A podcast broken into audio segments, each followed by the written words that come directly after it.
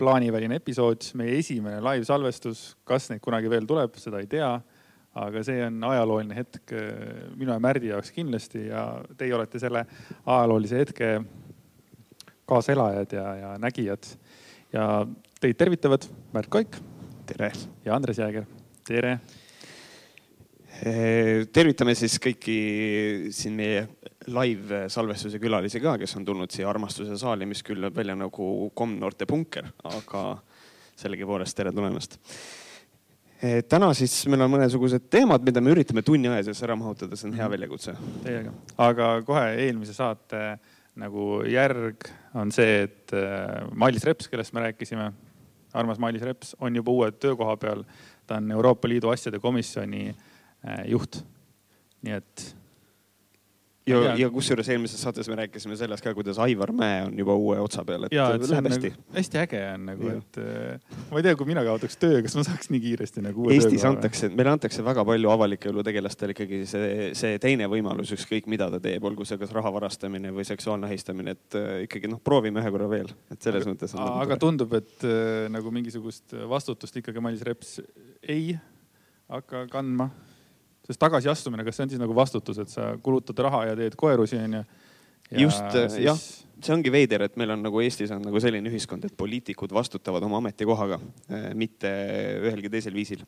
et see on nagu natukene naljakas. no küll jah, võib-olla kui ta oleks kui keegi poliitik jällegi kuskil ära taob ja peale urineerib, nagu Isamaa poliitikutele meeldib teha, et siis võib-olla sellele võib-olla tuleb midagi juurde, aga aga kui sa oled ikka siukses, siukses kõvas äh, place'is nagu Keskerakond, siis ilmselt ei ole see nii jah. Mm.. poliitikalava, nagu me siin oleme, siis äh, sulle küsimus, et kuidas sul kassid elavad? Äh, kassid elavad mul väga hästi. Ähm, sain just pildi ka, mul äh, naine liigutab raamatuid ühest riiulist teise. Selles mõttes mul on, meil on kodus uus riiul, see ei ole mingi asi, mida mu naine kodus teeb, lihtsalt täna liigutan ringi. vaid äh, ja siis kassid on tal abiks sellega, et nad vaatavad pealt. Nad ei ole roninud sinna riiulisse veel ja? see on tehtud juba. aa, see on tehtud jah? just. ja mul tuli just ennem see meelde, et kui vanasti oli üks veerikupood üheksakümnendate alguses, siis seal oli niimoodi, et oli saiariiul ja äh, seal oli kordamööda oli põhimõtteliselt sai, magav kass, sai, magav kass, et peaaegu noh umbes sama. ma ei kujuta ette, kui tänapäeval oleks äh, saiariiulis magaks kass, sellest nagu saaks, see oleks üleriigiline probleem. tänapäeval ei ole ju tegelikult, tänapäeval ei ole isegi mingeid kasse, kes on kodutud, vaata, et välja arvatud see kass, mis siin aparaaditehases hängis muidugi, ma ei tea, kas te nägite, üks must kass on siin, kes hängib lihtsalt ringi ja magab Äh, radikate peal ja hullu chill vana on lihtsalt nagu.. ma sõin, ma, ma sõin burgerit ja siis äh, saavutasin Triksteri tehases temaga silmsideme, kui ta mulle otsa vaatas ja tänas meid selle eest, et sa vegan burgerit sõid, aitäh ja siis lahkus ruumist. see oli väga tore. aga kassi küsimus oli lihtsalt sellepärast, et äh, mul üks kass on hakanud öösiti kräunuma, et ega sa ei oska mulle mingisugust nõu anda. see on juba igaöine nagu trall. ja tal on veel komme sittuda põrandale ka, et mis värk sellega on? Eh, minu käest ka karjub, aga mina soovitan selle koha pealt sügavamat und aga, aga seda on raske soovitada, aga, aga see on minul, näiteks minu vanem kass teeb küll seda, et ma olen öösel selle peale üles ärganud, et ja, ja. Eh, on, on üle terve ruumi, et jah, see on normaalne, kassid teevadki niimoodi vist. ja, ja, aga põrandale sittuvatest asjadest rääkides, siis äh, meie esimene lugu räägime Hando Tõnumaast just, et avastasin seda, et Ekspress kirjutas, et, et siis, kui Telegram oli veel osaühing, sest et nüüd, kes ei tea, sest kui ma ei eksi, siis nüüd ta vist on MTÜ, kui see ka veel alles on, who knows. Äh, et siis äh, neil olid investorid ja siis oli juttu sihukese investoriga nagu äh, Toomas Laanpere, kes andis huvitavat infot, et, et Hando Tõnumaa on talle jäänud võlgu viiskümmend tuhat eurot sest et äh, ja, ja, siis, kui noh, mis on oluline, võib-olla mõni inimene küsib, et miks peaks üldse keegi Telegrami investeerima, siis investeerimine käib paraku niimoodi, et kui mingisugune teine sihuke korüfee on teinud otsuse mingil põhjusel, noh, keegi peab esimene loll olema alati et kui keegi on teinud ära selle otsuse, et ta investeerib, siis teised vaatavad, et noh, kui tema investeerib, siis panen mina ka sinna juba raha sisse.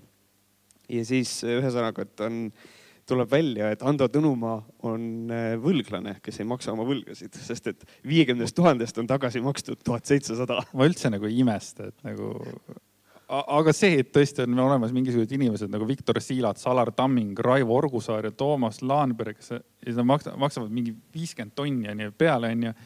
nagu, nagu mis, mis seal peas on nagu, nagu, et Viktor Siilats ju võiks olla nagu mõistusega vend, aga ta annab Hanno, Hando Tõnumaale, kuule ole, ole, ole vend, võta mingisugune kümme tonni näiteks. no siin on ilmselt nagu see ka, et ma kujutan ette, et Tõnumaa on nagu selles mõttes seda projekti nagu väga ilusasti esitlenud, et noh, et me seisame vaba meedia eest, mis üldiselt, see kõlab nagu väga hästi, kuigi see on tänapäeval totaalselt ära rikutud, mida tähendab vaba meedia, siis tavaliselt tuleb kuskilt nurga tagant Varro Vooglaid välja, siis tuleb Ando Tõnumaa kuskilt välja ja siis nad räägivad, et kõik kuskil on mingi süvariik ja siis, kui see on vaba meedia, siis see on ajuvaba meedia mõnes mõttes nagu.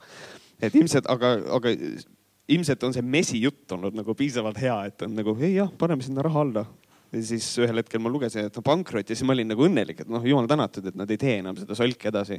ja siis, kui ma nägin Rimis Telegrami paberväljaannet, siis ma sain aru, et noh, tegelikult meil on ikka Eestis kuskil midagi väga valesti nagu. et see on, nagu, see on ikka päris jäle, aga noh. see ei ole Eesti probleem, sa ei saa öelda, see on Eesti probleem, igal, igal pool on ja. oma lamemaalased, noh.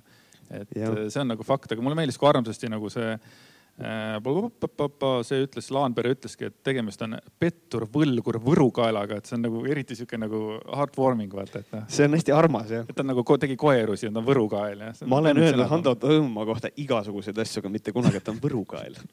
mis on nagu huvitav sõnade valik.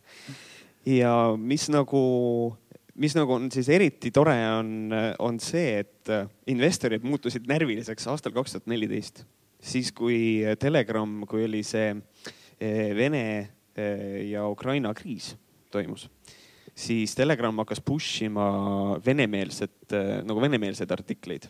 Noh, ühesõnaga, mida Telegram sellel hetkel tõestas, oli see, et noh, tegelikult neil on kuskil mingisugune mõju, keegi avaldab neile mingisugust mõju selleks, et nad oleksid nagu Vene poolt, sest et väga keeruline on inimesel, kes ärkab hommikul ülesse ja on terve mõistuse juures pooldada selles konfliktis Venemaad minu silmis. mul on üks äh, tuttav. ja, ja, ja ta ükskord luges mulle epistlit nagu, mis tegelikult seal toimub ja siis yeah. noh, see ongi see, et mis tegelikult, mõtle oma peaga need ülejäänud laused, vaata. jah, täpselt sihuke. tee, minu lemmik, see on, see, see on parool, kui keegi seda ütleb, ma muutun hästi närviliseks, aga tee ise research'i. okei okay,, selge et äh, ja see noh, ühesõnaga ja see muutis siis need äh, investorid nagu murelikuks, et, äh, et, et miks nii on, aga kannatus katkes aastal kaks tuhat kuusteist. Oota, oota siin kaks tuhat neliteist oli, et see oli hea lause, et kõige tipuks hakkas investeeritud raha kaduma, palku ei makstud välja ning Hando Tõnumaa haihtus Taisse loomingulisele puhkusele. nagu vend lihtsalt võttis papi ära ja tõmbas Taisse, vaata. ma ei tea, mida ta seal Tais teeb, arvestades, et seal on. Okay,, aga noh, see selleks ilmselt ta proovis seal erinevaid aineid. ma usun, et mitte ainult aineid. sellepärast, et aastal kaks tuhat kuusteist, kuhu ma tahtsin jõuda, on see, et äh, ta pakkus investoritele välja aastal kaks tuhat kuusteist, et võiks saada kokku ja koos LSD-d teha ja võlgadest rääkida. mis on, mis on minu silmis ühe koha pealt erakordselt nagu loll, aga teise koha pealt ma pean austama selle inimese nagu närvi et sa kutsud suurinvestorid Eestis ikkagi nagu, kuule, teeme LSD-d ja räägime, et ma olen sulle viiskümmend tonni sees. see kõlab nagu mõrvakatsega samal ajal. LSD-d tehakse, kuidas? ma ei tea, ma ei ole, ma ei ole kunagi teinud. sa ei ole Ando Tõnumaaga ma ei ole Ando Tõnumaaga kokku saanud jah okay.. võiks saada tegelikult. siis, kui sa talle ära ütlesid, vaata selle artikli teema, kui ta tahtis sinu artiklit mm, -hmm. et siis ta veel ei pakkunud. Siis, ei, siis ta pakkus, see on see vana hea, et Eh, kõik, kes kirjutavad artikleid ja siis, kui mingi suurem väljaanne sulle pakub, siis on see, et sa küsid, et okei okay,, mis ma saan selle eest ja siis see on see, et noh, et see on see üks paar parool, mida ma alati kartan, exposure mis on see, et, see teed tasuta tööd, siis sa saad silmi enda peale. ja, aga ma võin seda kõike iseseisvalt ka tegelikult teha nagu. et, et kes ei ole kuulanud meie saadet, siis ma olen sellest ka tegelikult rääkinud, et noh, tegelikult eh, ma kirjutasin ühe artikli ja siis Telegram pakkus mulle, et noh, et eh, anname selle, et kas me võime oma portaali ka ülesse panna selle ja siis ma ütlesin, et ei, ei ole vaja, et ma saan oma blogis ka piisavalt palju vaatamisi sellele. ja siis ma sain seda hästi sässi vastuse, mis ütles seda, et tore, et eh, sinu blogil on ka kolmkümmend tuhat külastajat päevas. võiks jääda professionaalseks, ma ei tea et see oli nagu suhteliselt uh, huvitav, aga mis on hästi armas ja minu arust hästi irooniline on see, et et noh, Ehm, sellest eh, kohtuasjast me võime veel muidugi natukene rääkida seal eh, nendest sentidest, aga kohus eh, määras Hando Tõnumaale siis raamatupidamise kohustuse rikkumise tõttu sada viiskümmend tundi ühiskondlikult kasulikku tööd. aga ma ei ole kuulnud, kas ta on seda teinud või ei ole või? selle, sellepärast, et minu arust on nii irooniline, et Hando Tõnumaa ja ühiskondlikult kasulik töö on ühes lauses. see ei ole reaalne olles Minister Society, eks ole. just, et noh, tegelikult äh, ju see ka, et äh, siis investor rääkis seda ka, et äh, kohtus olevat Tõnumaa raputanud kohtuniku lauale kolm eurosenti ja ütles, et ülejäänud investeeringud söödi ära. ühesõnaga, see mees on tegelikult räigelt jultunud nagu. Ando Tõnumaa on crazy. täiesti pohhu, noh. see on, see on, see on, see on tõepoolest, see on hästi kummaline aga, aga Hando Tõnumaa nüüd käis ühel üritusel hiljuti, mille, kuhu me nüüd liigume edasi. see on maskivastaste üritus. Hando Tõnumaa oli seal ka kohal, mille üle ma üldse ei imesta. Äh, ja nüüd ongi, äh, Andres, sa küsisid mu käest eelmine saade, et kas, kuna sinul on maski ebamugav kanda, et kas sa oled minu arvates maskivastane, siis ma ütlesin, et ei ole.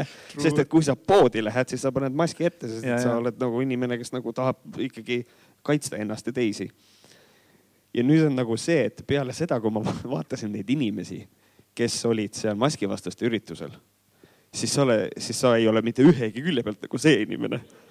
sa ei nagu selles mõttes, sellest võiks hästi palju, võiks sellest üritusest rääkida, aga samas äh, minu arust tänapäeva ühiskonnas äh, peaks ikkagi noh, me oleme ikkagi poliitkorrektsed, et minu arust ei tohiks ära kasutada puuetega inimesi.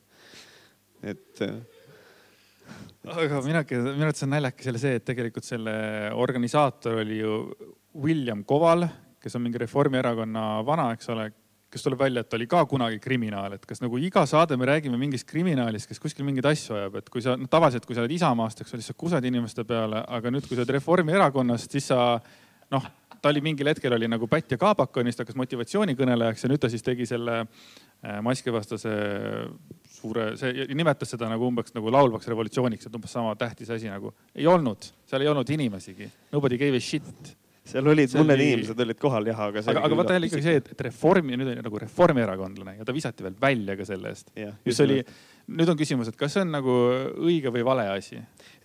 noh, nii kaua on õige, kuni osatakse põhjendada, selles mõttes Reformierakond ütles, et see on, et see on maine kahjustamine no mina selle alusel võtaks talt ära ka kodakondsuse, aga, aga, aga põhimõtteliselt nagu mina leian, et on põhjendatud, et selles mõttes, kui ikkagi eriti võttes Reformierakonna, noh, kuna nad on opos praegu, et siis tegelikult see, et äh, nad on tegelikult ikkagi, kanname maski, oleme viisakad ja, ja toredad inimesed kõik, et ja siis on nende liige ütleb seda, et ärme, ärme kanna, et siis see on nagu kahtlane. Ja, ja, ja üldse on hästi minu arust erakordselt nõme mõelda selle peale, et millega sa tegeled muul ajal, kui sa ei ole idioot ja maskivastane?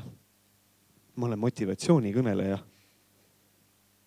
ühesõnaga, sa teed podcast'e ka üksi ja ilma mikrita. aga tema saab sellest raha. jah, aga ma olen nii palju kordi saates öelnud ka, et meil oleks hästi palju raha, kui me oleks munnid, vaata, tegelikult. et noh, see on motivatsioonikõneleja, see on täpselt samamoodi, eesti keeles on olemas sõna selle jaoks, kui on olemas inimene kes arvab, et ta teeb kõigile head, eh, enda arust teeb head, ta ise usub seda. Eesti keeles on selle jaoks olemas sõna, noh, tegelikult, tegelikult ei ole sellest kasu midagi. ja see sõna on kiropraktik. ja nüüd võib öelda ka, et see sõna on motivatsioonikõneleja mina olen aru saanud, et kiropraktikud ikkagi on nagu normaalsed vennad, et okei okay,, two and a half men'i sai kogu aeg selle eest pikku puid, aga mm -hmm. pikku päid ja jalgu, aga noh aga see on, eh, ma nagu vaatasin siis eile õhtul neid, mina ootasin seda suure hurraaga, seda üritust, ma tahtsin näha, et mis inimesed seal on Twitteris vist äh, keegi ütles seda ka, et on oodata üritust, kus kohas ajakirjanikke on rohkem kui osalejaid. aga ei olnud niimoodi. kuigi mõned osalejad olid ka ajakirjanikud. näiteks Karmen Britson. mis temaga juhtus? nagu, nagu päriselt nagu, mis juhtus, tegi Kanal kahes saateid, ta oli top of the game, vaata, ta oli nagu noh. Ta ei saanud järgmist projekti. Shit, vaata ma arvan, et ta lihtsalt ei saanud järgmist projekti ja siis ta lihtsalt äh, oli crazy kodus, tal tuli cabin fever peale, siis keeras peast ära, ma arvan. sest et see on täiesti hullumeelne, sest et äh, tal oli argument ka, äh, mis on niimoodi, et see võtab suu lahti. Karmen Britson oli seal ja ta pidas kõne sellest, et kõik inimesed ei saa maski kanda. ja näiteks tema mees ei saa kanda maski, sest et tal on koroonatüsistused. Ja siis mul on nagu see, et. ja temal endal oli ka koroona, ta ütles seda ka veel muide. ja siis mulle tekib nagu see küsimus, et nagu kui loll sa pead olema, et sa lähed sellisele üritusele ja räägid sellist juttu, kui su mehel on koroonatüsistus, ta ei saa sellepärast maski kanda. Jeesus Kristus, nagu see inimene on haige. see on nagu, kui Karmen Britson tegi koos äh, kas Krista Lensiniga koos tegi siukse saate nagu Palverändurid kunagi? Äh, see oli ka. ma ei tea, millest sa räägid. Teil Kanal kahes jooksis ja see oli niimoodi, et nad läksid välismaale. tegid mingit palverännakut nagu läbi ja see oli minu arust Eesti kõige parem saade, sellepärast et kaks kõige nõmedamat Eesti inimest saadeti riigist välja. see oli reality saade, ülituus, mulle, mulle nagu tohutult meeldis see nagu ja siis ma vaatasin, et eh, noh, paraku oli see, et ma, ma vaatasin Postimehe pilte, ma vaatasin Delfist pilte, eh, ma vaatasin ERR-ist pilte, kõik olid ühtesid ja samu inimesi pildistanud, sellepärast et nad ei suutnud uskuda, mida nad näevad. et minu isiklik lemmik oli see, et maskivastasel meeleavaldusel on inimesed, kes kannavad näomaske nagu plastikust neid eh, Guy Fawkesi maske, millega on palju halvem hingata kui sellega, mis teil täna ees on siin. ja ja mul ei mahtunud see pähe, et miks neil maskid ees on ja nad räägivad, et endal on plakat käes, ma ei ole koerkoonlane ja mingisugune noh, mingisugune häma. ja sa oled ise seal maskiga ja põhjendus on see, et äh, ma kannan maski sellepärast, et ma ei taha oma töökohast ilma jääda. pane kaks asja kokku korra nagu. halloo, see on nii veider. ma ei ole sinuga nõus, ma arvan, et see on päris aus äh, hirm ju tegelikult kusjuures ma olin üllatunud okay., oota, oota, ma olin üllatunud see, kui äh, Telegram meile teeb podcast'i, siis nagu Telegrami alati on mingisugused siuksed nagu mingid voodoo vennad on nagu kohal, et siuksed noh, noh kirgastunud, nad on need, kes mõtlevad oma peaga. ja siis üks päev tuli Telegrami podcast'i, see oli Rannamaja Toomas mul oli nagu, mul oli nagu niimoodi, et nagu mida vittu, et, et okei okay,, et te olete nagu kuskil olnud no mingis augus vaata, aga te nagu, te sobrate seda nagu seda sulgeauku nagu ühtemoodi kogu aeg. Ja nüüd te järsku võtate Rannamäe Toomased, kas nagu siis, et nad on nii nagu meeleheitlased tähelepanu saama, et nagu Tõnumaa võtab noh, keda iganes, kes on nagu eh, noh, võimalik võtta. Ja siis ta nagu küsis ka selle Toomase käest, et noh, et aga mis on nagu üks asi, mida sa oleks tegelikult Rannamäes tahtnud teistmoodi teha. siis ta ütles, et no ma oleks võtnud äh, hästi palju Telegrami ajakirju ja siis neid nagu kõigile jaganud seal noh, et nagu siuksed vennad on seal ka, vaata noh, see on ilmselt niimoodi, ma kujutan ette, et äh, Hando Tõnumaal on mingisugune võrgustik loodud, et kui keegi kuskil mainib Telegrami natukenegi positiivses noodis, siis kohe kustutatakse kohale. nüüd ongi nüüd see hetk, mis ma tahtsin öelda selle kohta, et, et Toomas võis mütsi maha, sellepärast et tegelikult ta ju riskis jälle nüüd sellega, et ta visatakse järgmiselt sellelt ettekandja kohalt minema. nagu ma aru saan, ta just Tallinnas alustas töökohad, tööd onju, sai vist mingisuguse ettekandja töökoha onju ja nüüd ta läheb Telegrami podcast'i ja hakkab sihukest soga ajama, et, et jah. et see on, see on, see on aus hirm, et mina ka hoiaks peidus seda Hando armastust äkki või midagi taolist. no aga teisest küljest on jälle see, et äh, praegu on mõnes mõttes selline äh, avanemise aeg ka, et ma arvan, et praegu ongi niimoodi, et inimesed hakkavad näitama välja avalikult seda, et tegelikult mina olengi harimata idioot et, et see läheb kuidagi popiks nagu, et noh, minul on, minul on selles mõttes natukene see hirm tegelikult, kui ma ringi vaatan, et, et see asi läheb ainult hullemaks. ma olen selles täiesti veendunud, see asi läheb ainult hullemaks.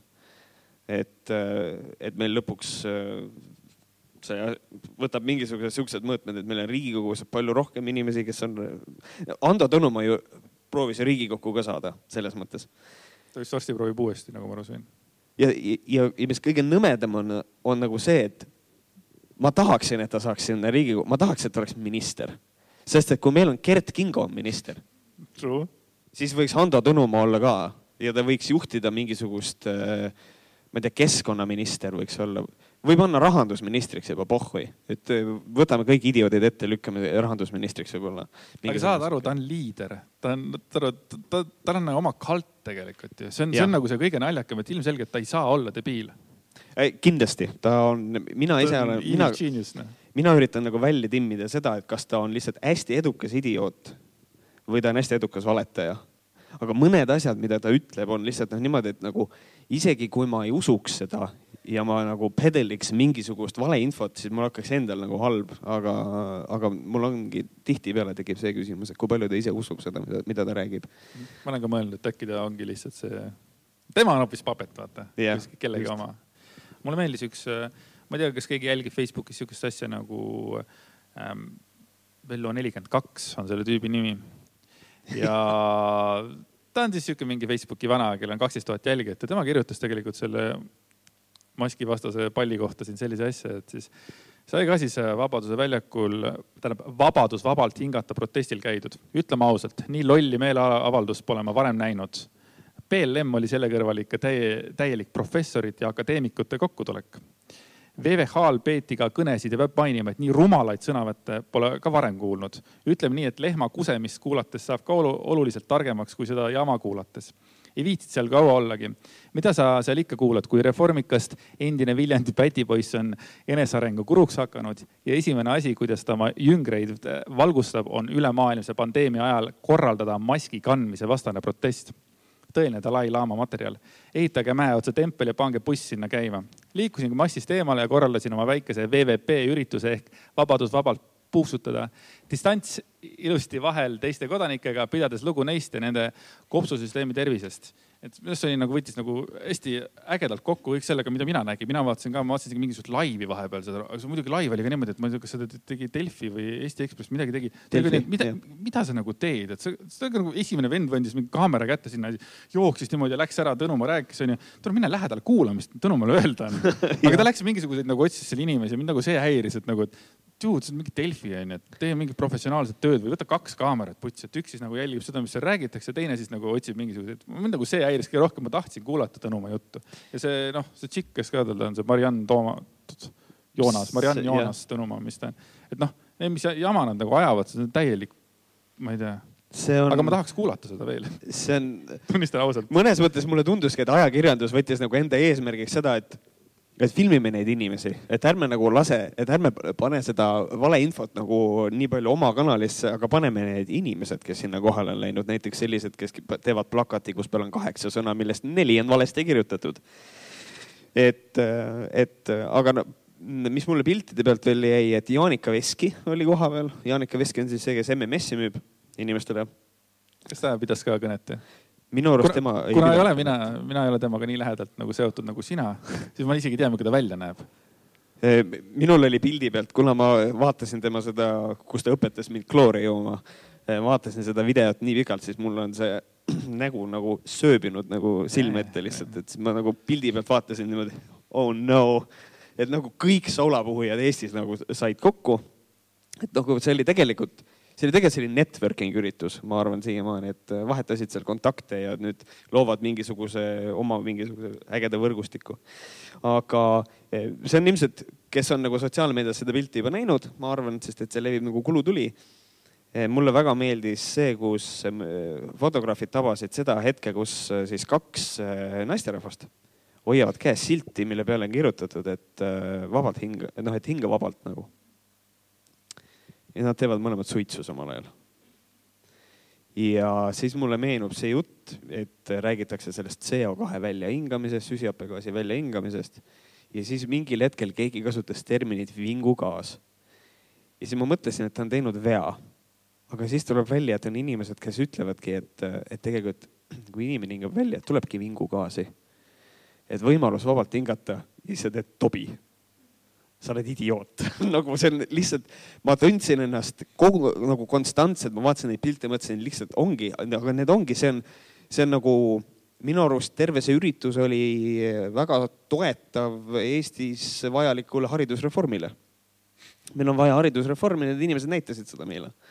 et noh, mingi asi on kuskil ikkagi nagu puudulik. millega sa seletad seda suurt venelaste osalust seal?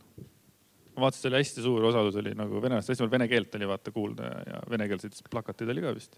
no eks äh, see on. Neid on nagu lihtne siis lollitada. see on minupoolne spekulatsioon. ma arvan, et seesama organisatsioon, mis Objektiivile natukene raha saadab, eks ole. ma arvan, et seesama saadab Telegramile ka ja siis saadab bussidega inimesi neile ka nagu toetusi, toetusi avaldama sellepärast, et võttes arvesse, et Telegramis on olnud külalised Markus Järvi ja Varro Vooglaid, see ei ole nali, see on päriselt niimoodi kus kohas nad räägivad sihukesest asjast nagu deplatforming. et siis mul puudub absoluutselt igasugune kahtlus, et need asjad on tegelikult omavahel seotud. ei, nad on jah, toetavad teineteise suhtes, seda ma olen ka märganud. sest et nad toetavad vaba meediat. Apparently tuleb välja sihukene asi. et, et, et tore, kes ei ole veel vaadanud neid pilte sellest üritusest, soovitan vaadata, seal on, seal on väga-väga huvitav. pluss need eestvedajad, ka nende kohta ma lugesin, et, et põhimõtteliselt siis see Reformierakonna endine. William Koval William, siis tema, siis tema partner on siis selline härrasmees, kes annab õigusabi noortele meestele, kes ei taha sõjaväkke minna kuidagi ta neid aitab sealt ära väidetavalt, ilmselt ka suure raha eest. et noh, põhimõtteliselt, kui ma ütlen, nimetan seda nagu networking ürituseks, eks ta ongi networking üritus, et seal on natukene tunda seda, et noh, püütakse võib-olla mõni klient juurde, sest et kui sa oled, kui sa oled selline inimene, et sa arvad, et kui sa hingad oma maski sisse ja see süsihappegaas sealt välja ei lähe, siis ma arvan, et sa võid täiesti tõsimeeli uskuda, mida iganes need mehed sulle võivad veel rääkida.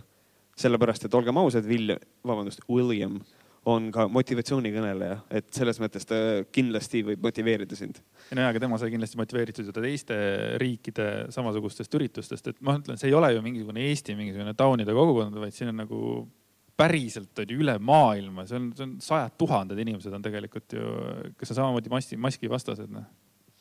Aga mind üllatab nagu see, et Hando Tõnumaa on totaalselt ära unustanud selle, et maailm on lame. Et ta nagu, et, et noh, et see, et see on täpselt niimoodi, et noh, ka see ühisosa leidmine objektiiviga, et nad räägivad, nad on leidnud nagu mingisuguse sellise teema, mis on inimeste seas aktuaalsem kui lame maa, mis noh, on mis iganes muu teema, eks ole, tegelikult olgem ausad. Aga näiteks kui see, kui see 5G, kui kogu see asi välja tuli siis äh, selle peale isegi nagu selle rongi peal hüppas isegi Objektiiv. Nad kutsusid, äh, neil on uus mingi saade, Välgatused ja siis nad kutsusid sinna inimese rääkima sellest 5G äh, asjast, et, et nüüd on nagu siuksed asjad on populaarsemad. seda Välgatusi ma ei ole vaadanud, aga see teine saade, mis on. fookuses. ei, üks on veel, see, kus see inetu pärdik on Vogelbergiga koos, see on jah, ma tean, ma, ma, ma tean, keda sa mõtled ja mul ei tule ta nimi praegu ette. et oli hardcore. et see oli noh, jah, see on nagu äh, hästi puine, selles mõttes oli tore vaadata, et noh, mees teeb esimest korda saadet, on hästi puine. aga kui ta nagu terve saate jooksul ei, nagu ei suutnud ennast avada, vaid rääkis kogu aeg niimoodi siis äh, muutus nagu natukene Minul, minul tekkis küsimus, et miks nagu selline nagu saatejuhiks nagu võetakse, et äh, ikkagi võiks ju nagu kuidagi soravalt olla või noh, ma ei tea, kui ta, kui ta loeb maha, et noh, ma ei ütle, et ma olen mingisugune super mahalugeja onju, aga noh, too vend ei saanud mitte midagi aru, mis ta rääkis seal. Eh, noh, me võime ju rääkida sellest, et äh, tegelikult kui nad isekeskis kõiki neid asju teevad, on ju seal Objektiivis et neil ei ole muud äh, nagu saatejuhte võtta, see on täpselt samamoodi nagu kui Keskerakond otsib endale uut ministrit, nagu siis mitte keegi ei taha seda tööd teha. ja siis on ka, et davai, pohhui, paneme kuradi, vahetame ministrid ära, paneme Jaak Aab, pohhui, lähed räägid koolidest, äh, keegi, äh, mingi naine võiks olla ajaviiteks. ja, ja, ja tuleb siis see meie järgmine, mis ta siis on nüüd, meie uus riigihaldusminister et noh, täpselt samamoodi neil, neil ei ole võtta saatejuhte ka, ma kujutan ette. Andres Raid võib-olla tahaks minna nüüd, kus ta Tallinna TV-s enam ei, ei tee, sest et Tallinna TV-d enam ei ole. Keskerakonna pink ei ole ju nii tühi. see on, see on ka, ka ei, nagu ei olegi tühi, aga keegi ei taha olla selles valitsuses. nagu keegi ei taha olla minister. sellepärast, et kui sa, kui seal on nagu juba see, et nagu lugejakiri kirjutas selle hästi tore artikkel, et praeguse tempo juures saab ministritooli ära proovida iga teine eestlane et siis tegelikult mina arvan küll, et seal taga on see, et nad otsisid nii erakonna seest kui ka eraskonna, erakonnast väljaspoolt endale ministrit ja nad ei leidnud. ja siis lõpuks Jaak Aab ütles, et, et pohhui, on elatud ka juba, et võtan enda peale. noh, et, et sihukene suhtumine, ma arvan, et asi on selles. aga jah, ministrites rääkides, et, et Kert Kingo oli ka siin mingi aeg minister. ma sain, täna sain Vikipeediast huvitava fakti teada, mis ühendab mind ja Kert Kingot Äh, me mõlemad oleme lõpetanud Tartu Täiskasvanute Gümnaasiumi. et, äh, et mul on ka võimalus saada vist äh, ministriks. no kindlasti selles mõttes isegi sellel kassil, kes elab siin aparaaditehases, on võimalus saada ministriks praeguse tempo juures ja. ja mis ma veel teada sain Kingo kohta oli see, et ta oli Lõuna prefektuuris, ta oli uurija politseiinspektor kaks tuhat üks kuni kaks tuhat neli ja see küll tõmbas nagu suu täiesti nagu lahti, et nagu mida vittu, mis toimub see kõlab hästi ohtlikult, ma kujutan ette, noh, nii palju, kui me oleme vaadanud, mida Gerd Kingo räägib, eks ole, Riigikogus äh, ministrina debattides mis on tänu temale mitte debatid, aga debatilaadsed tooted. siis ma kujutan ette, kui ta oleks uurija ja siis on nii, mul varastati eile auto ära. ja autodega on tõesti selline asi, et olete tähele pannud, et autodel on uksed? jah, vaata on huvitav, eks kõik nagu, et selline ülini ebapädev inimene nagu et, ähm, et, et see on hästi huvitav, et äh, Gert Kingo muuseas oli ju nüüd äh, Postimehes äh, siis Hanno Pevkuriga tegid väikese debatilaadse toote, kus kohas siis räägiti referendumist. ja põhimõte oli selles, et saatejuht alustas Gert Kingoga kohe ja küsis ta käest väga toreda küsimuse, et miks seda kõike vaja on. Ja vastus oli see, et sest et Eestis on kõrgeima võimu kandja on rahvas meil on esindusdemokraatia, kurat, nagu ma ei saa aru sellest. Nad räägivad sama juttu, vaata kõik. jah, see ongi, eh, mulle, mulle nagu meeldis see, et kui Hanno Pevkur seletas, et noh, tegelikult meil on selle referendumiga väga lihtne probleem. see on jah ja ei, et kui me, kui see vastus on jah, siis see tähendab seda, sellel on juriidilised tagajärjed, see tähendab seda, et me peame muutma põhiseadust ja me peame põhiseaduses ära sätestama, et abielu on naise ja mehe vahel. kui see vastus on ei, siis sellel puudub igasugune tagajärg ehk siis eh, me võime elada täpselt samamoodi edasi, nagu me praegu oleme elanud ja mitte midagi ei, ei, ei, ei, ei pruugi sellest muutuda. ja see on probleem. Ja peale seda, kui Hanno Pevkur oli seda öelnud, siis Gert Kingo küsis. aga mis teil on selle vastu, kui me rahva käest küsime, kui me küsime rahva arvamust? ja siis Hanno Pevkur tuli talle vastu ja seletas talle seda uuesti ja siis Gert Kingo küsis sama küsimust ka kolmandat korda. et see on lihtsalt ähm, et äh, see on nagu ma Twitteris ka kirjutasin, et äkki saab mulle mingisugune eh, kuidas ma ütlen eh,, poliitika nagu eriti tugev inimene mulle seletada, et nagu miks see niimoodi on, et miks EKRE saadab Gert Kingot oma erakonda esindama, sest et ta on saamatu idioot. et eh, ta on, ta on pähe õppinud endale kolm argumenti ja kui need argumendid ümber lükatakse, siis tema geniaalne lahendus on see, et esitab need uuesti aga kes oleks pidanud olema Reformiga, Reformierakonna siis nagu oponent talle? Kas on ka seal mõni täielik? kes oleks Reformierakonnast? William Koval või? nojah, võib-olla tõesti, ma kujutan ette, et ta leiaks hästi palju ühiskeelt. minul tuleb ette ka noh, kuna William Koval on nüüd endine reformierakondlane ah,, siis mulle tuleb ette üks endine reformierakondlane, kes küll võiks Gert Kingoga olla debatis koos, ma täiesti huviga vaataks seda, see on. oota, ma pakun no.. sa, sa ütled Kristiina Šmigun kusjuures ei ah,, ma okay., ma, ma oleks öelnud Kristiina Ojuland. okei, okei. Sest et see on, see on nagu minu, minu enda välja mõeldud nali, et Eestis on kolm klouni ametlikku, on Piip Tuut ja Kristiina Ojuland et nüüd nagu Gert Kingo vist teeb seda eksamit.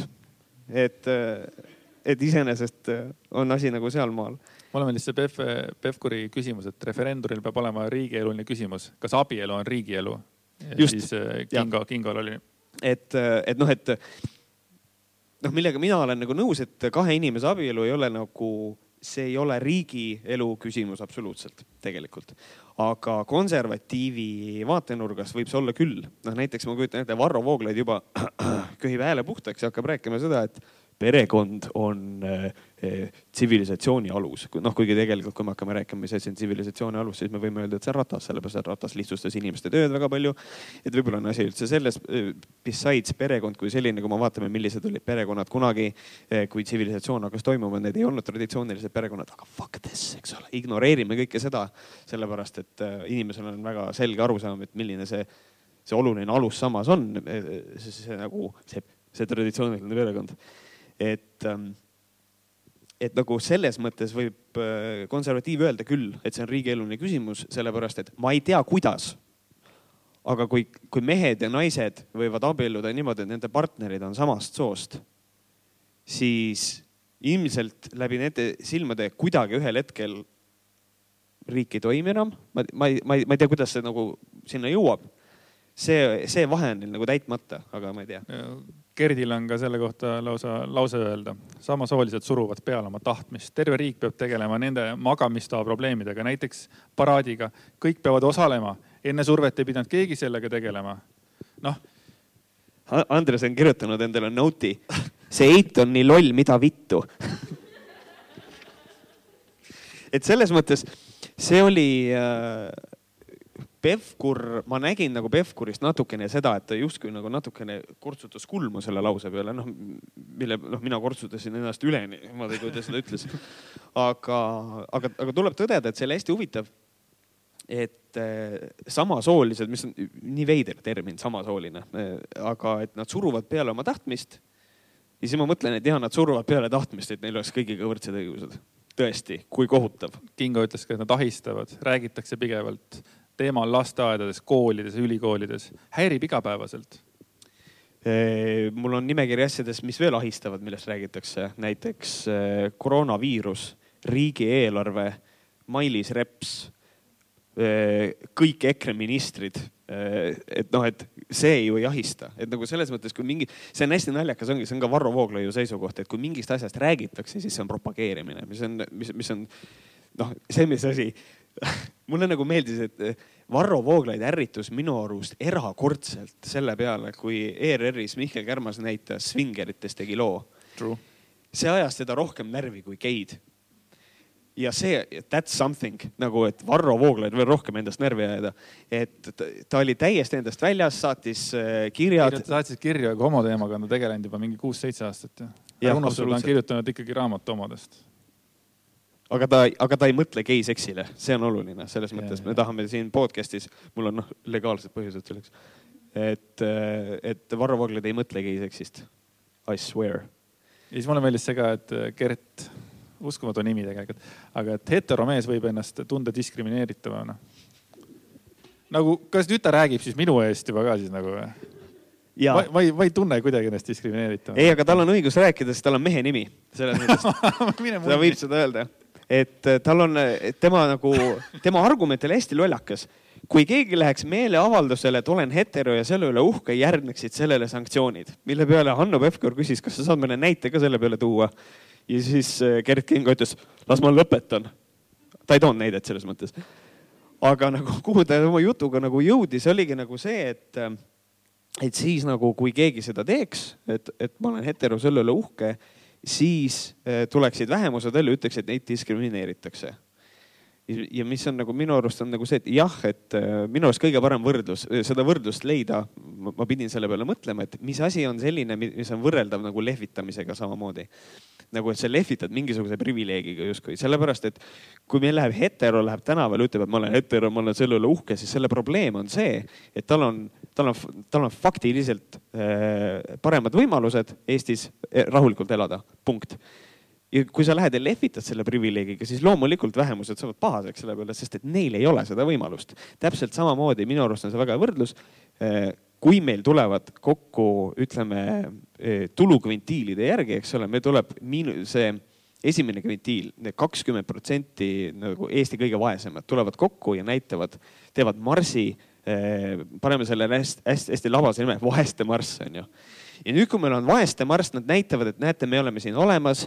Eh, me tahame, et meiega arvestatakse siis inimesed plaksutaksid tegelikult, ütleksid, näete, julged inimesed tulevad, näitavad, et neil on raske ja tulevad, näitavad ennast, äkki me saame midagi teha, et nende elu paremaks teha. nüüd kujutage ette, et tuleb rikaste marss. siis vaadake siin, siin ma olen. mis me siis teeme nagu? mina läheks küsiks raha võib-olla isegi et nagu selles mõttes, et, et minu arust on see nagu suhteliselt hea võrdlus, et, et see on privileegiga lehvitamine mõnes mõttes. ja, ja ma ei oleks elu sees uskunud, viis aastat tagasi ei oleks Märt Koik elu sees uskunud, et ta kasutab sõna privileeg eh, niimoodi. aga nagu selles mõttes on see küll nagu täiesti haige näide, et, et noh, et seda võib lihtsalt natukene, et me võime kirjeldada täpselt sama asja natuke teistsuguste sõnadega, aga point on sama, et kui heteromees läheb, ma ei tea, meeleavaldusele, ütleb, et näete, ma olen hetero, mul on Eestis tegelikult palju lihtsam elada, ma olen selle üle uhke. siis tegelikult tahaks ikka putsi saata selle inimese nagu. et nagu selles mõttes on see Gerd Kingo, noh, tõestab, et tegelikult konkreetselt ta ei tea, millest ta räägib. ta on idioot, noh. ja see on ja, ja, ja ma olen nagu hästi palju mõelnud selle peale, kas ma tohin üldse Gerd Kingo kohta öelda, et ta on idioot, aga vaadates seda, mida ta suust välja, absoluutselt päris hästi öeldud isegi. kuigi see termin on võib-olla suutmissurveline mõne inimese jaoks, aga ma lihtsalt ei oska, kui inimene on suure tõenäosusega päriselt puudega, siis ma ei oska mitte midagi öelda muud. see privileegidega lehvitamine, privileeg, priviligeeritud olemine, no ma ütlen, ma ei olnud kunagi mõelnud selle peale enne, kui ütleme mingi kolm-neli-viis saadet tagasi sa nagu sellest nagu juttu tegid, et ma elu sees ei arvanud, et ma olengi mingi, et ma olengi nagu mingi superior, mis iganes asi, ma olen valge, valge mees kolmekümnendates, mis iganes, et see ongi, et. see on see, et Soros käskis mul rääkida seda sulle, et sa, et ma sinuga ära keeraks liberastiks, vaata, see on mm, -hmm. see on see. aga kui sellest nagu aru sain, siis jah mm. -hmm. et noh, tegelikult noh, see ongi see, et mis on nagu Twitteris on seda hästi tore vaadata, mismoodi on äh, tegelikult sellised noh, natsikutsikad, eks ole. ja natsikutsikad äh, naeravad selle privileegi üle kõike, eriti siis, kui keegi ütleb, et sa ei näe privileegi, sest et, äh, sest et sa oled priviligeeritud, eks ole aga tegelikult. natsikutsikud. natsikutsikas, noh, kõik need, kes panevad enda profiilipildiks mingisugused natsisõdurid või mingid siuksed asjad ja siis räägivad sellest, et aga naised sellepärast saavadki noksi pilte, et nad panevad endast paljad pilte ülesse mis on see, et sure, väga hea, väga, väga, väga intellektuaalne inimene nagu. et äh, noored natsid, ühesõnaga, siuksed äh, alt-right inimesed, et nagu nende puhul ongi nagu hästi tugevalt seda näha, et äh, et nad ei saa aru, mida see privileeg tähendab. aga vot selles mõttes, kui sa kriitiliselt nagu vaatad, et noh, et kas mul kui mehel on nagu lihtsam Eestis kui naisel, siis sa pead ikka väga pime ja loll olema, kui sa, kui, kui sa leiad, et sul on sama raske. et see on noh ja, aga me enamasti ei mõtle selle peale, mis meil on antud, me mõtleme selle peale, mis seal puudu on. muidugi, kui ma lähen tööintervjuule, ma saan töö, mul on hea meel, ma ei mõtle selle peale, et ma sain töö lihtsalt sellepärast, et mul on jalge vahel mingi asi tilvendab nagu, et noh, sihuke veider. ma natuke ärritasin, vabandust ei ole hullu, aga äkki liigume, võtame ka musta reede teema ka veel ülesse uh, must reede jah, et äh, siin oli nüüd, meil on nagu see Black, Black Friday sale äh, näiteks Lõunakeskuses ja siis oli see, et ähm, võib-olla te mäletate, kui kevadel Sportland tegi täiesti Türa, geniaalse. ma tahtsin just sinna jõuda. tahtsid yeah.? täiesti geniaalse sammu. et äh, teeme ale siis, kui meil on äh, koroonaviirus. Siis oli sihuke backlash sellest. aga kas sa käisid ise kohapeal ka, ostsid sa tosse endale ka või? Äh, sa räägid kevadest või? ma tahtsingi tegelikult võrrelda seda praegust ja kevadist aega on see, et minu arust, kui praegu tehakse neid Black Friday'd, siis mina nagu võtan seda niimoodi, et suva, esiteks nad on pikendanud juba mingi mitme, kahe-kolme-nelja päeva peale, mõnes kohas on nädal aega Black Friday onju. poodi ei lasta ilma maskitagi ja seepärast tundub mulle see asi praegu niimoodi, et mind see üldse ei sega. tehku selles mõttes, aga see, mis nagu toimus nagu kevadel, no see oli ikka nii perse kukkumine, et ma ei, ma ei tea üldse, kuidas Sportland sellest nagu niimoodi taastus tõesti ilma igasuguste haavadeta nagu jälle. sest et ta sai niimoodi puid alla, ta tegi. käive oli nii hea lihtsalt ei no, ei no tegelikult ka, sest korra räägiti, oli mingisugune üks, no see eriti just üks pilt oli vaata, mis nagu oli hästi kõnekas, oli see, kus oli mingi, kuna ma ei teadnud koroonaviirusest tol hetkel midagi, noh palju ma praegugi tean, aga tollel ajal ei teadnud midagi, eks ole, see, kuidas laps nagu veeti sinna nagu kaasa, onju. see oli niimoodi, et nagu, mis toimub nagu, ma ei võta, ma ei võta mellut kaasagi, ma mäletan tollel ajal poodidesse noh, sest ma ei teadnud, kui hull see on, vaata selles mõttes. ma teen väikese vahelepõike, sa ütlesid, et laps tuli kaasa, noh rääkisid, et see oli, et seal oli lapsi, mul tuli praegu meelde maskivastasel üritusel oli kohal ka Taavi Libe, kes on täna siin ka, tervitage teda minu poolt, kui te temaga kohtute. oli Taavi Libe oli seal või? Taavi Libe oli ka seal ja siis ta rääkis ühe isaga, kellel oli laps üles. ja, ja, ja, ja, ja see oli nagu, see oli, no teleajalugu sündis. Sest et -hmm. põhimõtteliselt siis see isa ütles, et ei, minu poolest äh, mina ei karda, et võite mulle näkku ka köhida. Äh, ja siis Taavi Libe tegid koha peal kokkuleppe, et kui ta, kui see mees jääb haigeks, siis ta maksab kuus tuhat eurot Taavi Libele ja siis Taavi Libe võttis maski eest ära ja köhis talle näkku meelega.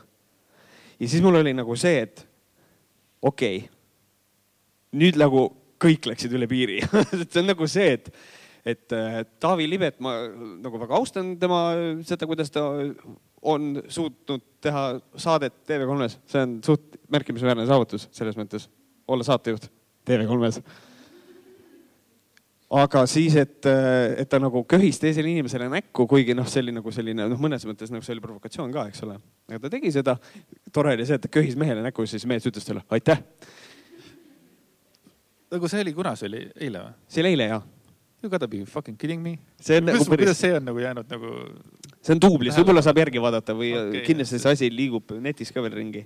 et äh, et, et niisugune asi leidis aset ja siis, ja siis see näitab seda, et sa võid olla nagu intelligentne inimene. ma vähemalt noh, ma olen Taaviga nii palju suhelnud, et ta jätab vähemalt intelligentse inimese mulje endast.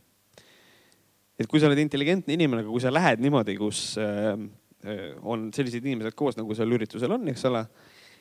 Siis tuleb nagu see teooria mängu, mida ma tegelikult natukene usun, et äh, IQ on ruumis alati keskmine ehk siis sa võid tark olla, aga kui sul on hästi palju idioote ümberringi, siis sul hakkab endal ka vaikselt see natukene nagu peale tulema. et siis nagu see oli nagu minu arust hästi vastutustundetu käitumine, mida ei oleks tohtinud Taavi Libe endale lubada, aga mida ma ka tean, ma ei ole TV3 saatejuht. mis sul see TV3-ga probleem oli? Mul ei ole TV3-ga. ei, ei, sul oli midagi, sa ikkagi tegid mingisuguse nagu asja, et ma tahaks nagu aru saada, vaata.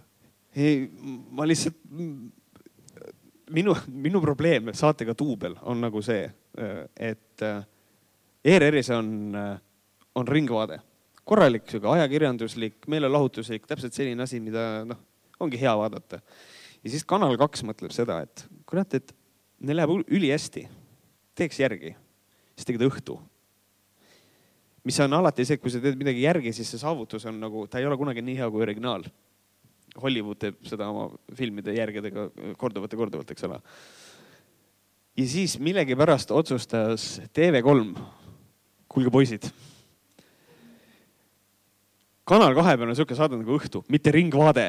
ja siis nad üritasid nagu teha nagu, ühesõnaga minul oli see, et Kanal kaks tegi sita Ringvaate, tegi Õhtu ja siis TV3 otsustas, me teeme sita Õhtu, teeme duubli okei okay,, sellest ma saan aru, sest TV3 on varemgi neid trikke teinud, et kui äh, see Kanal kaks hakkas tegema Reporterit, siis kui varem oli see TV3 seitsmesed uudised oli, kes see Eesmaa, Siri Eesmaa ja siis see, kes nüüd raadios on kas mingi raamatulasi oli, whatever, et igatahes nad olid noh, sihuke nagu tõsine saade onju yeah,. ja siis yeah. nad hakkasid ka koerusi tegema, vaata, tegid samasuguse saate ja siis kõige naljakam oli see, et tuli seitsmesed uudised, mis algas kuus nelikümmend viis. jah. Kaheksateist nelikümmend viis. saate nimi on Seitsmesed uudised, mitte kolmveerand seitsmesed uudised et sa saaks natukenegi vaata see reporterina seda, seda yeah. nagu vaata, et, et nagu et, ja see, sellest, sellest ma saan aru. mul üldiselt, mul TV3-ga ei ole, ma olen käinud, ma olen ise duubli saates käinud kaks korda, mul ei ole selle vastu mitte midagi, ma võin seal käia. mul tuli üks saade veel meelde, see oli see komöödiaõhtu oli Kanal kahes ja TV3 tegi selle Sepo Seemaniga mingisuguse asja yeah.. Tood oli ka vist sealt maha viksitud yeah.. Nagu... no täpselt samamoodi oli see Suure tähe väike täht ja siis oli mingi teine saade oli selle kõrval. aga nagu issand, ma isegi ei mäleta, ühesõnaga mõlemas saates minu arust olid mingid lapsed, nad tegid seal mingeid asju ja siis kõik olid nii armas. aga tegelikult ja, ja, ja, ja kogu sellest asjast lihtsalt kõndis välja üks väike Oliver selgsirgena. aga, aga üldiselt, mida ma nagu selle saate koha pealt tean, et mõlemad need saated, need olid ühel ajal eetris, aga nendel oli üks ja sama produtsent. mis tähendas seda, et täiesti pohhui, mis saadet vaadatakse, vend istus kodus ja oli väga rahul, sellepärast et garanteeritud oli see, et vaadati tema saadet et nagu selles mõttes on iseendaga konkurents televisioonis äh, täiesti okei okay kas sa Väikse Oliveri intervjuud nägid, kus Hannes Võrno teda kiusas või? ja see oli, see oli tore, mulle nagu ja siis öeldakse, et, et, et me ei tohi öelda teatud sõnu ja asju, me ei tohi nagu, me peame olema, me peame olema poliitkorrektsed ja siis lastakse Hannes Võrno lihtsalt ühte last peksta põhimõtteliselt. see on nii veider, muidugi ta sai sealt natukene pähe ka, aga mul, mul on nii elavalt meeles see, mismoodi Oliver oli nagu Hannes Võrno istub väikse Oliveri vastas ja väike Oliver räägib ja sa saad aru, et isegi Oliver on nagu see, mis sul viga on nagu. sul nagu, mis su probleem on, ma ei saa sellest aru. kas mitte ei olnud üks küsimus see, et Hannes Võrno küsis, et noh, nagu sa tead umbes, et siis tavaliselt lapsstaarid mingi hakkavad no, narkootikumidega yeah. surevad ära või midagi no,. väike Oliver, putsi, ma olen neli või ma ei tea, kui vana ta oli no.. see on, see on nagu hea, et et noh, ma saan nagu selles mõttes need küsimused on nagu põhjendatud selles mõttes ma saan Hannes Võrnost aru. küsin lapse käest. see küsimus on nagu põhjendatud, aga see inimene, kelle käest sa küsid, võib-olla ei ole nagu päris see inimene, kelle käest. võib-olla Oliveri, Oliveri ema käest on ju küsida. jah, just. Oliver on kuskil nurgas, mängib oma barbidega, ma ei tea millega. või nagu, või nagu siis äh, küsida mingisuguse endise lapsstaari käest Eestis, neid kindlasti on Õnne kolmeteistkümnes on neid palju üles kasvanud Name, name one ongi perses ei ole. mul ei tule ükski lapsstaar praegu veel, ainult Mihkel Raud tuleb mul meelde, aga tema ei olnud õnne kolmeteistkümnes. jah, ei olnud tõesti, et nojah, siis ongi, ühesõnaga meil ei ole lapsstaari, siis on vaja võtta ainus lapsstaar, kes on väike Oliver ja siis hakata teda peedistama, hakata seal narksi ka panema või? päris õudne tegelikult. aga minu arust väike Oliver sai isegi mingi Elvaris oma saate minu arvates või midagi taolist. mingi lastesaade oli, kui ma ei eksi. seal no,. ei nagu päriselt ka, ma tahtsin kunagi Elmarist saada, mind ei võetud. väike Oliver võeti noh, minu tase on siis üsna kehva tundub. see on, see on nagu korralik valu. kuule, aga mis me selle Black Friday'ga siis teeme aga selle Black Friday'ga, kuhu ma tahtsin jõuda, oli see, et Lõunakeskuse Facebooki lehel oli hästi tore vestlus sellel teemal, et keegi küsis Lõunakeskuse käest, et noh, miks teil see Black Friday asi on, et, et noh, see on natukene vastutustundetu ja siis äh, vastus oli, Lõunakeskus vastas, nagu on tänapäeval kombeks vastata erinevatele ettevõtetele läbi Facebooki, nad panevad alati mingisuguse smiley sinna lõppu, mis mulle on hästi corporate sarcasm nagu selline. Äh, vastus oli see, et me oleme, me oleme hajutanud selle, terve selle nagu selle ale aja nagu nädala aja peale ära, et inimesed saavad planeerida ja siis käia seal. ja siis see lõpus oli smiley ja vastus oli, ahah, nojah, selge, eks see natukene aitab, aga minu arust on Lõunakeskuses Black Friday sale olnud alati nädal aega.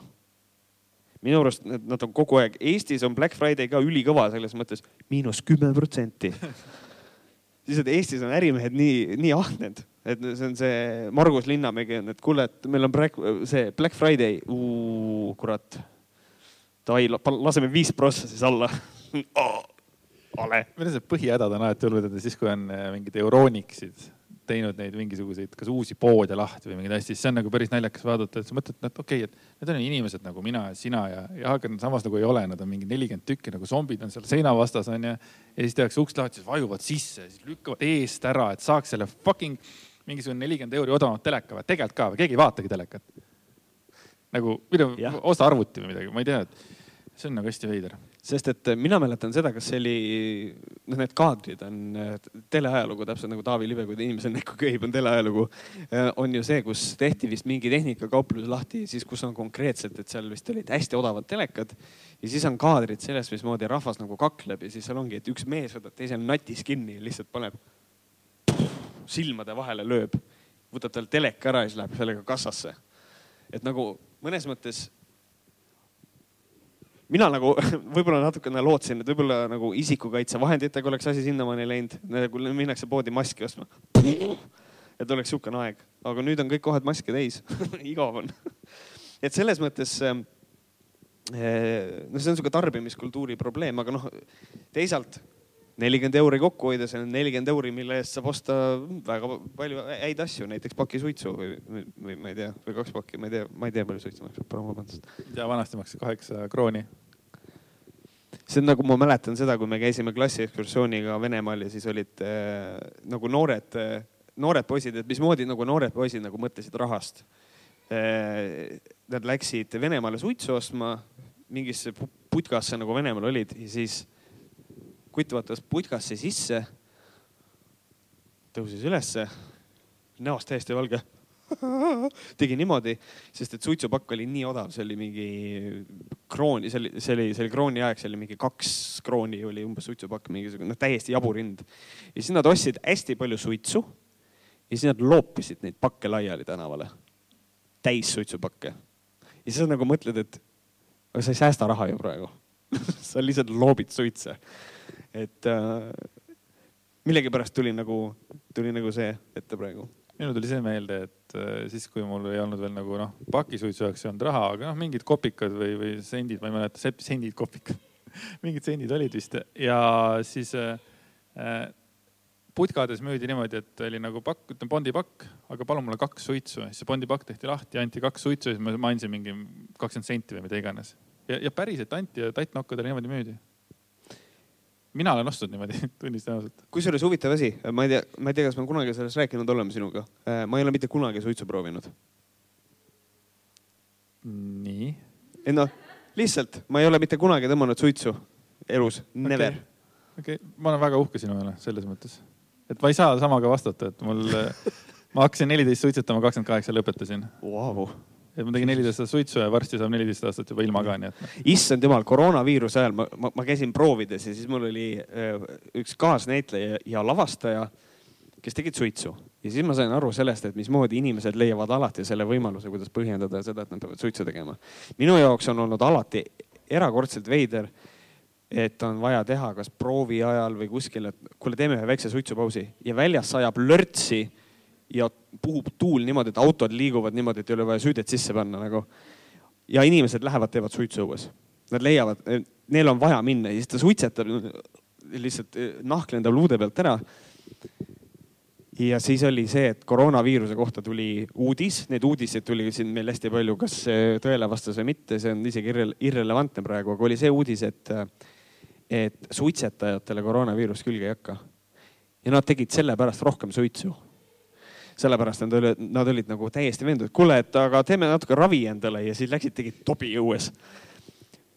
aga noh, neil oli võimalus vabalt hingata, et selles mõttes oli nagu tore aga suitsetamine on selline asi, tean omast käest, et oli, kui oli suitsu teha, siis kui see suitsuaeg hakkas kätte jõudma umbes tunni aja tagant või midagi, mis iganes, siis oli, et vahet ei ole, et väljas on miinus nelikümmend kaheksa tuul. ma läksin sinna ukse vahele, ma tegin selle suitsu ikka ära, eks ole, noh, see on, see on mingisugune selline harjumus, et ma ei arvagi, et see mingi hull vajadus on, aga see harjumus mingit asja teha kogu aeg. ma mäletan, mul tekkis aega juurde, kui ma suitsetamise maha jätsin.